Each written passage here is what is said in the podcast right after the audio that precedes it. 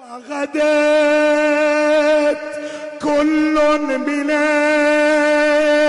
الدهشة تاوي وتقوم ولها من كثرة لطمي على الوجه كلوم وحقيق بعد كأس في الشمس تبدو النجوم وتسا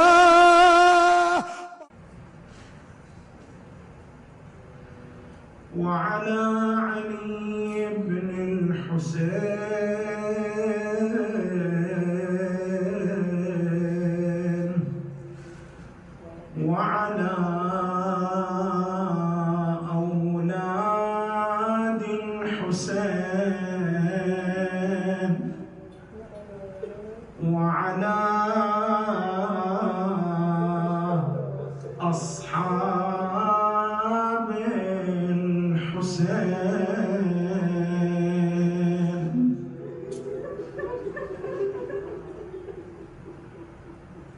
من حامل.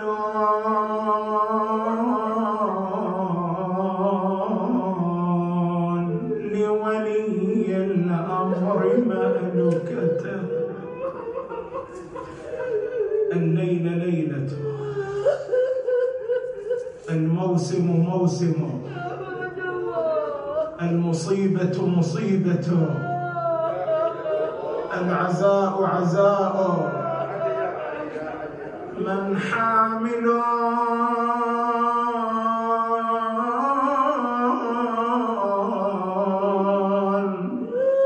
لولي الأمر مألكتان تطوى على نفثات كلها ضرم الخيل عندك ملتها.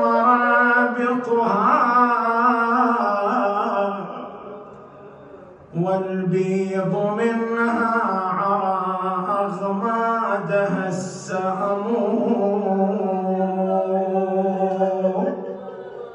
يا ابن الحسن هذا المحرم. شلون محرم هالمحرم؟ شلون محرم هالمحرم سيدي؟ المجالس خالية. أين هم شيعته أين هم الحسينيون؟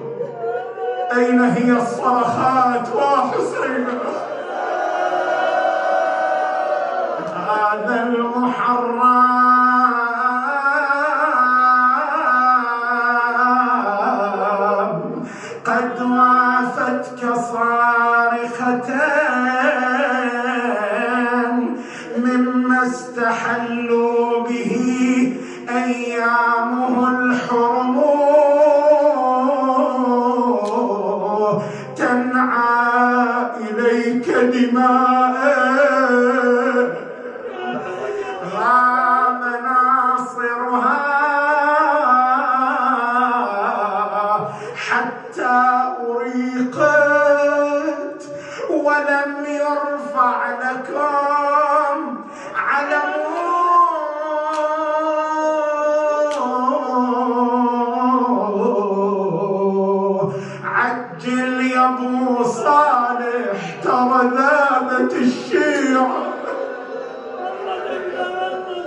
عجل يا أبو صالح ترى ذابت الشيعة.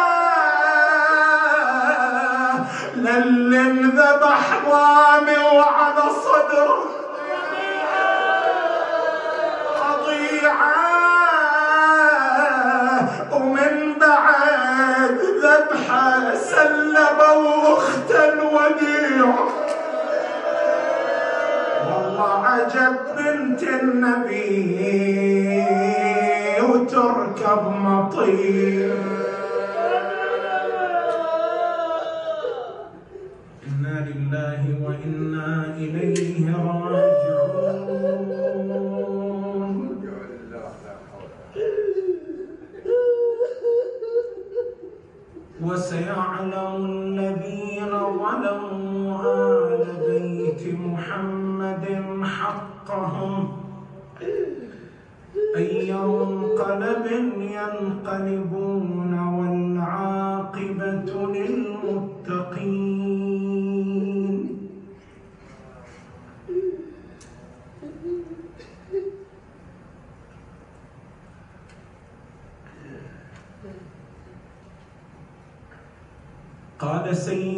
ومولانا وإمامنا الصادق عليه السلام. وأجبه سبعا تقول لبيك داعي الله. إن لم يجبك بدني فقد أجابك قلبي. وشعري وبشري ورأيي وهواي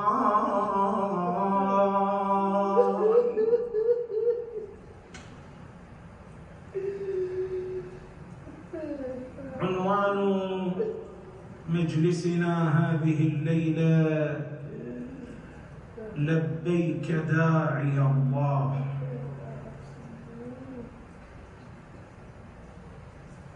وقبل الحديث حول هذا العنوان هنا عندنا مقدمة صغيرة نقف عندها تتضمن أمرين مهمين. الأمر الأول إن هذه السنة أيها الأحبة سنة استثنائية. ونحن مضطرون على طبق المعايير والإجراءات والتعاليم أن نتعامل مع شعائرنا في هذه السنة كما نتعامل مع كل بدل اضطراري. شلون الإنسان إذا تعذر عليه الوضوء ينتقل إلى البدل الاضطراري وهو التيمم؟ ولا بد له أن يقتنع بأن وظيفته هي هذا ويتعامل معها تعاملا شرعيا. نحن الآن أيضا بمقتضى الظروف المحيطة بنا. نحن بين خيارين.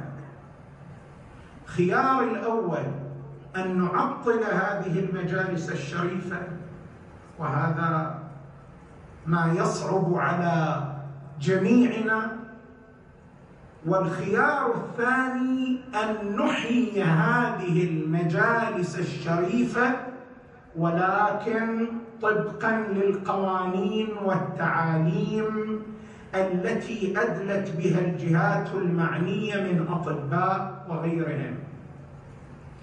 فلا بد أن نتعامل مع الظرف تعاملا استثنائيا. أنتم مقيدون بقيود وأنا مقيد بقيود. جميعنا مقيد بقيود مضطرون أن نكيف الوضع على طبق هذه القيود. لذلك قد تجد مني ضغطا للموضوع اختصارا في المصيبة اختصارا في المجلس كاملا وهذا بحكم الظرف أنا مضطر لأن أتعامل مع الوضع بهذا التعامل وأنتم أيضا مضطرون لقبول هذا البدل الاضطراري. لا يوجد لنا خيار آخر. اذا هذه السنة سنة استثنائية وعلينا أن نتعامل مع هذه السنة كما نتعامل مع كل بدل اضطراري. ونسأل الله سبحانه وتعالى أن لا تتكرر هذه السنة مرة أخرى وتعود مجالس سيد الشهداء وشعائر الحسين عليه السلام إلى ما كانت عليه وتعود جميع الشعائر الدينية والفعاليات الاجتماعية إلى ما كانت عليه ببركة أهل البيت صلوات الله وسلامه عليه. الأمر الثاني وهو المهم. نحن وأتكلم عنا جميعا حينما قررنا أن نقيم هذه المجالس الشريفة فنحن قد دخلنا في رهان مع طرف آخر. هنالك طرف آخر طرح وجهة نظره ووجهة النظر هذه تقول بأن هذه المجالس ستكون سببا لزيادة عدد حالات الإصابة. ستكون سببا لزياده لزيادة انتشار الوباء. ونحن المجتمع حينما قلنا في المقابل سنقيم هذه المجالس الشريفه ولن تكون هذه المجالس سببا لزيادة عدد الإصابات اذا نحن دخلنا في رهان وعلينا أن نكسب الرهان. وكسب هذا الرهان منوط بأمرين. الامر الأول منوط بلطف سيد الشهداء ومدده صلوات الله وسلامه عليه. وإن شاء الله لن نحرم هذا المدد وهذا اللطف. والأمر الثاني منوط بيقظتكم بوعيكم بحرصكم بالتزامكم بتطبيق التعاليم. فنحن إذا طبقنا التعاليم والإجراءات سنكسب الرهان إن شاء الله وسنثبت للعالم أن هذه المجالس ليست سببا لزيادة عدد حالات الإصابة بل هي سبب ارتفاع الوباء إن شاء الله تعالى. الأمر منوط بوعيكم بحرصكم بالتزامكم وهذا ما نامله منكم جميعا فأنتم كما عودتمونا بمستوى المسؤولية إن شاء الله تعالى. نسأل الله أن يوفقنا وإياكم وأن يأخذ بأيدينا وأيديكم لإحياء هذه المجالس الشريفة بالنحو الذي يرضي الله ويرضي أئمة أهل البيت صلوات الله وسلامه عليه. نعود إلى عنوان البحث. لبيك داعي الله. هنا عندنا عدة محاور نتناولها وطبعا بمقتضى ظروف هذه السنة فإن بعض الموضوعات ستتوزع على عدة ليال لن تتم في ليلة واحدة.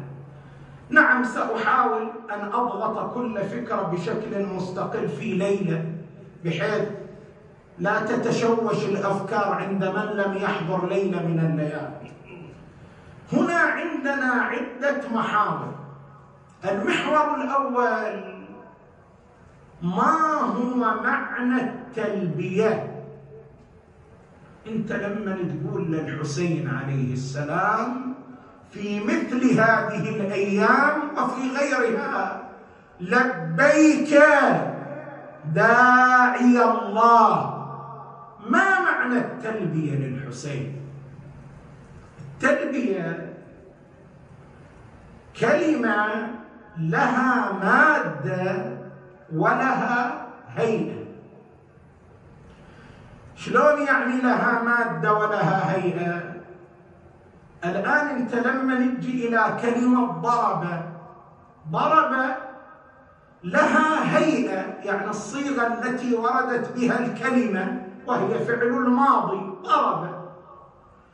ولها مادة المادة يعني الحروف التي تتكون منها الكلمة وهذه المادة قد توجد في هذه الهيئة وقد توجد في هيئات أخرى. الضاد الراء الباء توجد في ضرب توجد في يضرب توجد في ضارب. هذه يعبر عنها ماذا؟ مادة الكلمة. يعني ما تتكون منها الكلمة.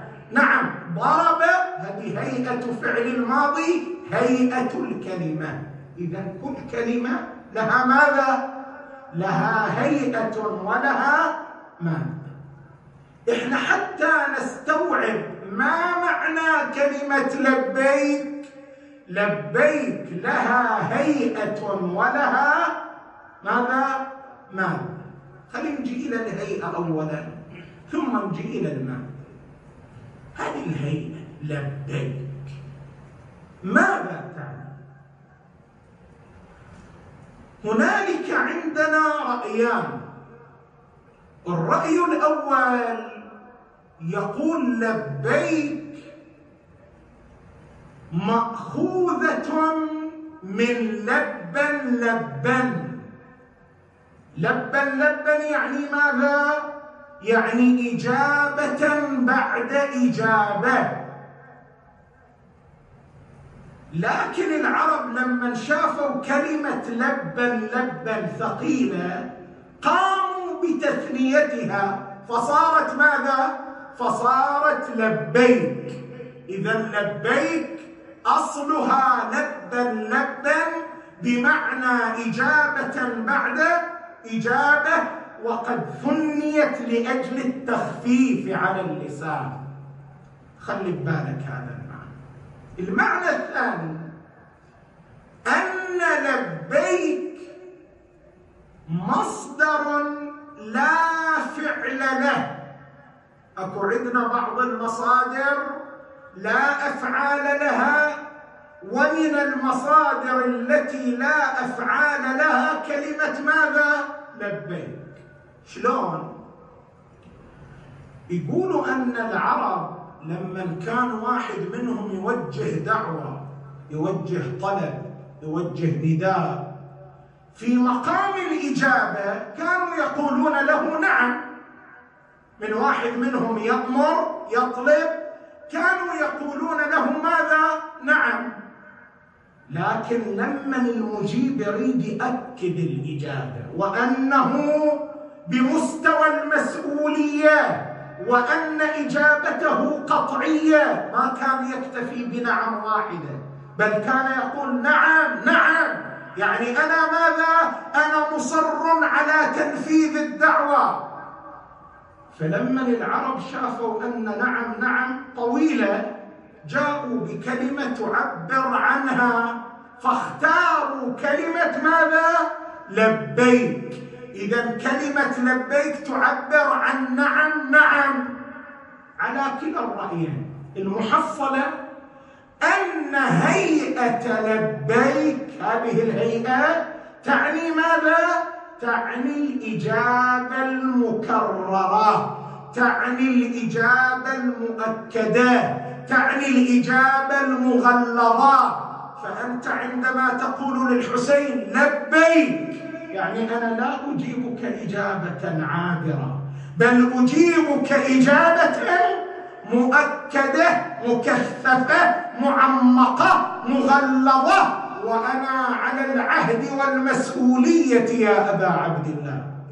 إذا الهيئة تدلنا على إجابة مكررة مغلظة. انجي إلى المال المادة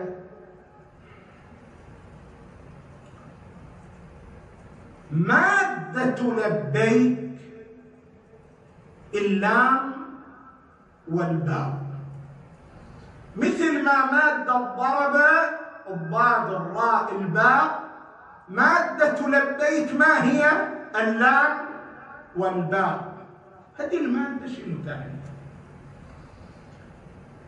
هذه المادة تعني ودقق معي في هذا جيدا تعني أن الإجابة هي عبارة عن معاهدة تتضمن عدة بنود. أنت لما تقول للحسين لبيك في أول ليلة من ليالي عاشوراء يعني انت تؤسس لمعاهدة تتضمن عدة بنود مهمة. شلون؟ هذه الكلمة صحيح هي كلمة واحدة. صحيح هي كلمة واحدة لبيك. لكن هذه الكلمة تختزن في باطنها وتستبطن في رحمها عدة معان. صحيح هي لبيك.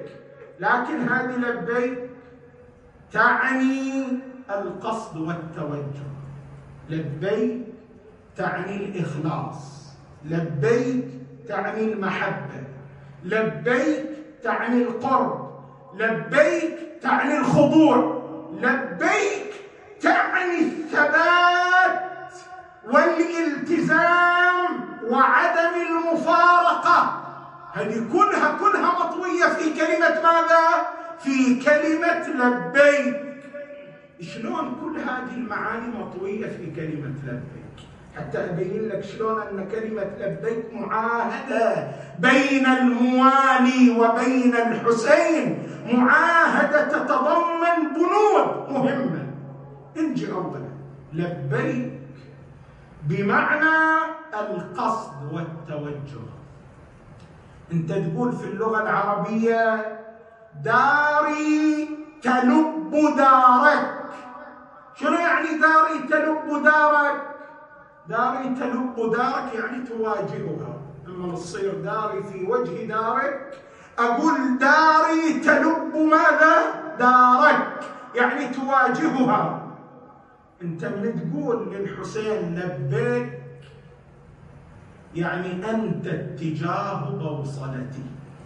ولا يوجد اتجاه لبوصلتي سواك. اتجاه بوصلتنا أنت يا حسين. نقصدك ونتوجه إليك. ولا نقصد سواك.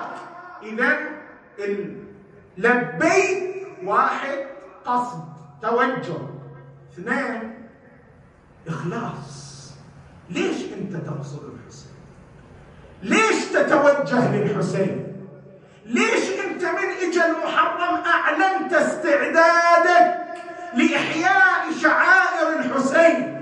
ليش حسين حسين حسين حسين؟ ليش؟ عندك مصلحة مع الحسين؟ لا. هل انشداد التوجه للحسين لا لمصلحة وإنما للحسين فقط وفقط. نحن ننشد للحسين لأجل الحسين لأن الحسين عشق قلوبنا لأن الحسين ملء مشاعرنا لأن الحسين ملء تكويننا. فنحن ننشد للحسين لا لأي مصلحة. وإنما لأجل الحسين عليه السلام إخلاص. إذا أنا من أقول لبيك قصدتك قصدتك مخلصا. بعد لبيك إعلان محبة. يقال في اللغة العربية امرأة لبة لزوجها. شنو يعني لبة؟ لبه يعني محبة مشفقة على زوجها على أولادها. يعبر عنها ماذا؟ لبة.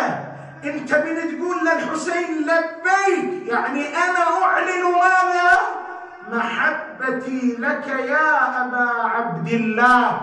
لذلك العلماء يقولوا هذه كلمة لبيك لا تقال إلا للمعظم المحبوب. لما واحد معظم محبوب يقول لك شيئا وتريد أن تعلن عن حبك له تقول له ماذا؟ لبيك. اذا قصد. إخلاص. ماذا؟ محبة. قرب.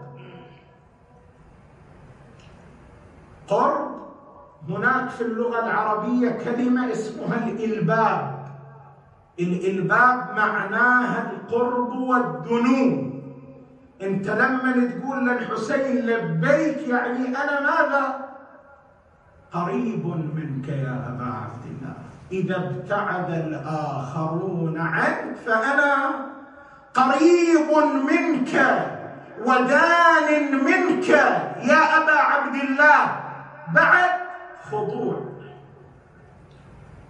في اللغة العربية يقول المتكلم أنا ملب بين يديك. أنا ملب بين يديك يعني أنا خاضع بين يديك. فأنت من تقول للحسين لبيك يعني أنا خاضع لأوامرك لنواهيك لمبادئك. لشعاراتك أنا خاضع لك يا أبا عبد الله. بعد العنصر الأخير لهذه المعاهدة الثبات الاستمرار عدم المفارقة. تقول فلان لب الحسينية. لب الحسينية يعني مكث فيها وثبت فيها ولم يفارقها. تطلق هذه المادة ويراد بها الثبات واللزوم. إذا أنت من تقول للحسين لبيك أنت فقط تعلن الاستجابة للحسين لو تأسس معاهدة مع الحسين. تأسيس لمعاهدة. هذه المعاهدة تتضمن القصد مع الإخلاص والمحبة والقرب والخضوع والمعاهدة على ماذا؟ على الاستمرار وعدم الانفكاك. يعني أنا يا أبا عبد الله ثابت على نهجك على خطك على مبادئك. لا أفارقها أبدا. لبيك يا أبا عبد الله. هذه الكلمة إذا مو مجرد استجابة. كلمة تتضمن في معانيها في داخلها عدة معان تعبر عن معاهدة. لذلك أنت تسمع عن أنس بن مالك أو مالك بن أنس. مالك بن أنس يقول لما حججت مع الإمام الصادق عليه السلام وأحرمنا في الميقات. أراد الإمام عليه السلام أن يلبي فانقطع في لسانه. قطعت التلبية في حلقته وكادت راحلته أن تطيح به من شدة الاضطراب الذي اعترى الإمام عليه السلام. يقول مالك بن أنس فقلت له قول ولا بد أن تقول. هذه تلبية واجبة. لا ينعقد الإحرام إلا بها. قل ولا بد أن تقول. فقال أخشى أن أقول لبيك. فيقول لا لبيك ولا سعديك. إذا كانت كلمة تلبية مجرد إجابة أو من يذهب إلى الحج يكون قد أجاب الله. يقول كلمة لبيك بكل أريحية لكن كلمة لبيك مو مجرد إجابة وإنما هي عبارة عن ماذا؟ عن معاهدة. لبيك قصدتك لبيك مخلصا لك لبيك أحبك لبيك خاضع بين يديك لبيك أنا ثابت على ذلك. واتعهد بالثبات والاستمرار. فأنت عندما تقول للحسين في بداية عاشوراء لبيك داعي الله. إذا هذا تأسيس لمعاهدة جديدة مع سيد الشهداء الحسين عليه السلام. هذا ما يرتبط بالمحور الأول. نجي إلى المحور الثاني. لبيك داعي الله. شنو معنى أن الحسين داعي الله؟ أنت من تخاطبه تقول له داعي الله. شنو معنى أن الحسين داعي الله؟ قد يجي بعضهم يفسر هذا اللفظ تفسير قشري. يقول الحسين داعي الله. يعني هو الداعي إلى الله. حسين يدعو إلى سبيل الله فهو داعي الله. داعي الله أي الداعي إلى الله إلى سبيل الله. لا لا لا. هذا تفسير قشري لا نقبله إذا شنو معنى أن الحسين داعي الله؟ تأمل عندي. هناك فرق بين عنوان الداعي إلى الله. وبين عنوان ماذا؟ داعي الله. الداعي إلى الله ينطبق هذا العنوان على كل من دعا إلى الله تعالى. العالم داع إلى الله. الخطيب داع إلى الله. رب الأسرة لما يقوم بواجبه يوجه أبنائه للصلاة للصيام أيضا هو ماذا؟ داع إلى الله الأم لما تؤمر بتها بالحجاب داعية إلى الله كل من يدعو إلى الله فهو ماذا؟ داعي إلى الله وطبعا هذا الداعي إلى الله الاستجابة له. ركز معي جيدا. الاستجابة له ليست بالضرورة تكون استجابة لدعوة الله. ليش؟ لأن هذا الداعي إلى الله قد يشتبه قد يلتبس عليه الأمر. الأب لما يؤمر ولده بأمر معين يتصور أنه أمر شرعي اشتباها والولد يستجيب له. استجابة له مو بالضرورة هي استجابة لدعوة الله.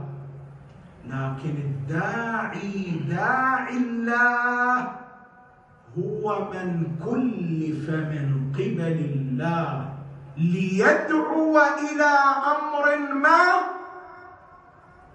ووظف من قبل الله بوظيفة الدعوة إلى الله سبحانه وتعالى ولذلك خلي بالك هنا تكون الاستجابة له استجابة لمن؟ لله. لذلك شوف اللفتة الجميلة في الزيارة. الإمام الصادق عليه السلام يقول فإذا جئت إلى قبر الحسين كذا فكبره سبعا. كبر من؟ كبر الله. قل الله أكبر الله أكبر. فكبره سبعا. بعد. وهلله سبعا. لا إله إلا الله. واحمده سبعا. الحمد لله. وسبحه سبعا. بعد هنا الشاهد. وأجبه سبعا. أجب من؟ أجب الله. وأجبه سبعا. زين شلون أجيبه؟ وأجبه سبعا وقل لبيك داعي الله.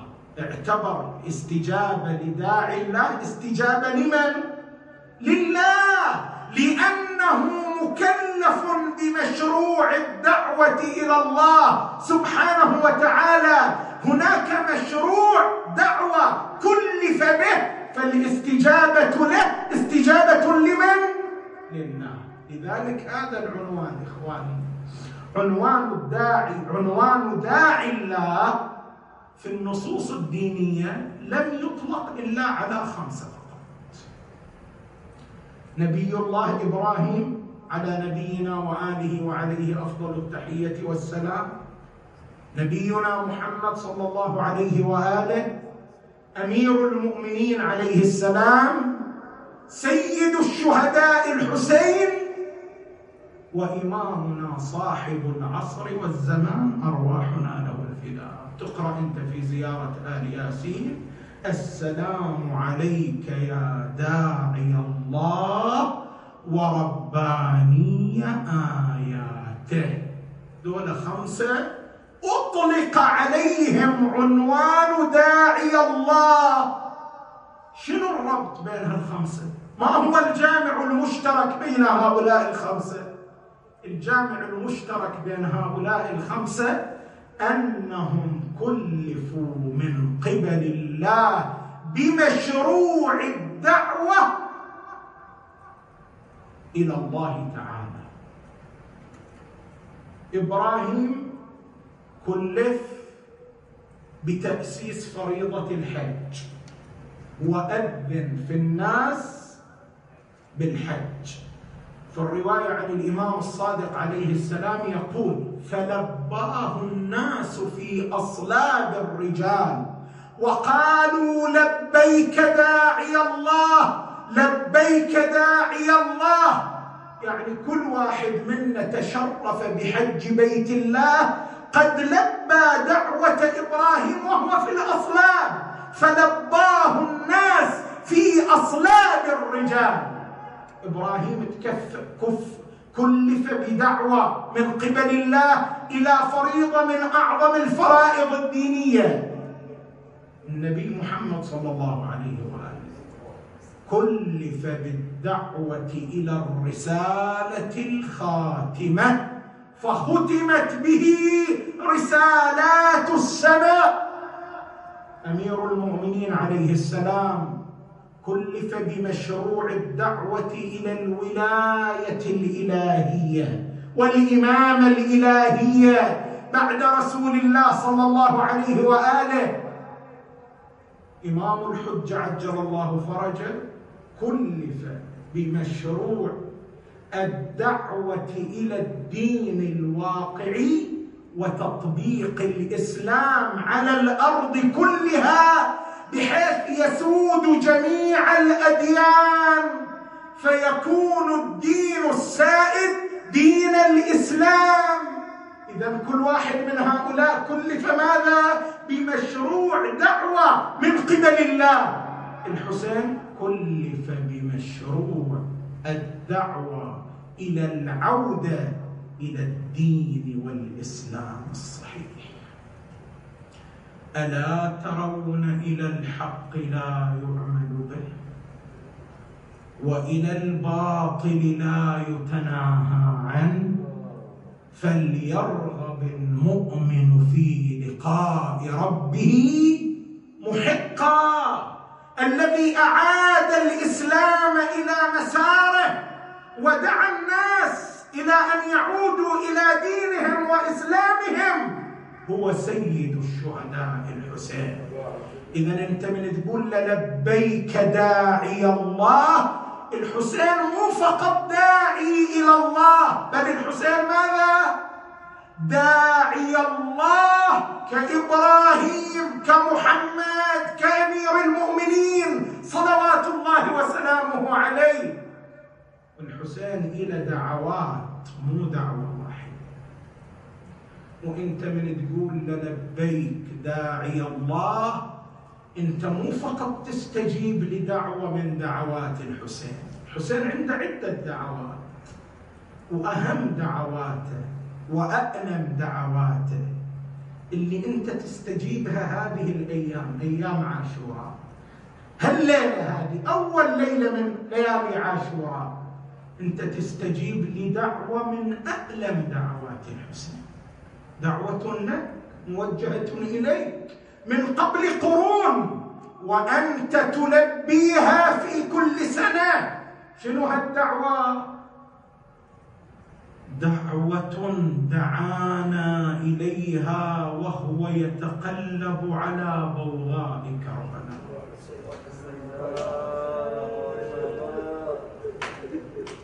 الشمس تصهره بحرارتها. ودماؤه تنزف من جسده المبارك الضربة على الضربة الطعنة على الطعنة. وهو يوجه دعوته لنا شيعتي. مهما شربت عطشان شيعتي مهما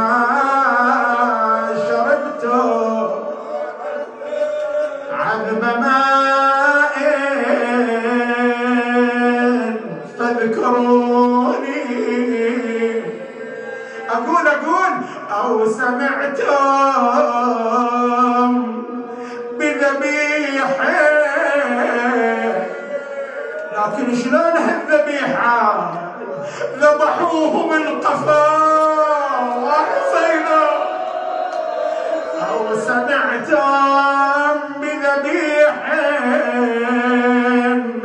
أو غريب. فانتبوني فأنا الصبط الذي من غير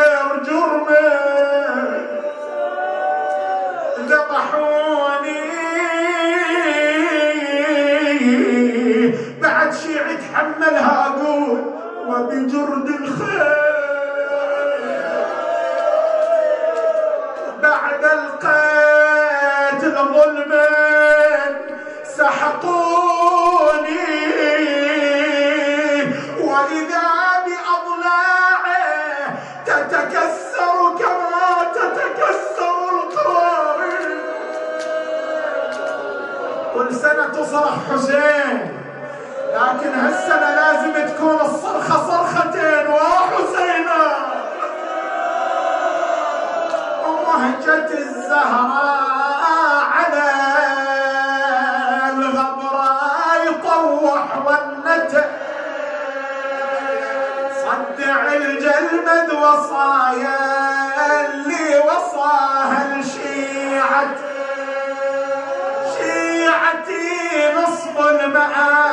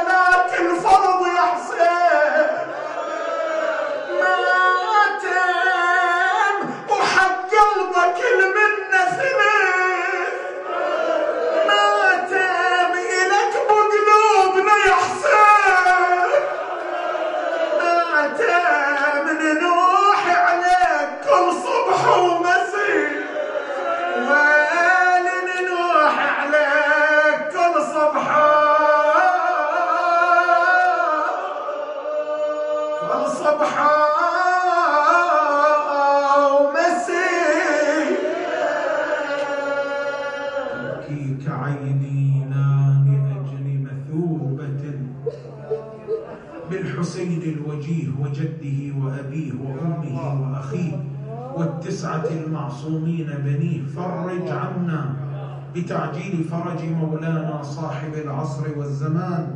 اللهم بحقه وبحق آبائه اكشف هذه الغمة عن هذه الأمة. اللهم ارفع عنا هذا البلاء واشف المرضى بأتم الشفاء. بحق سيد الشهداء وآله النجباء. وإلى موت العلماء الأعلام والمؤسسين والحاضرين والمؤمنين والمؤمنات. نهدي للجميع ثواب الفاتحة. الصلاة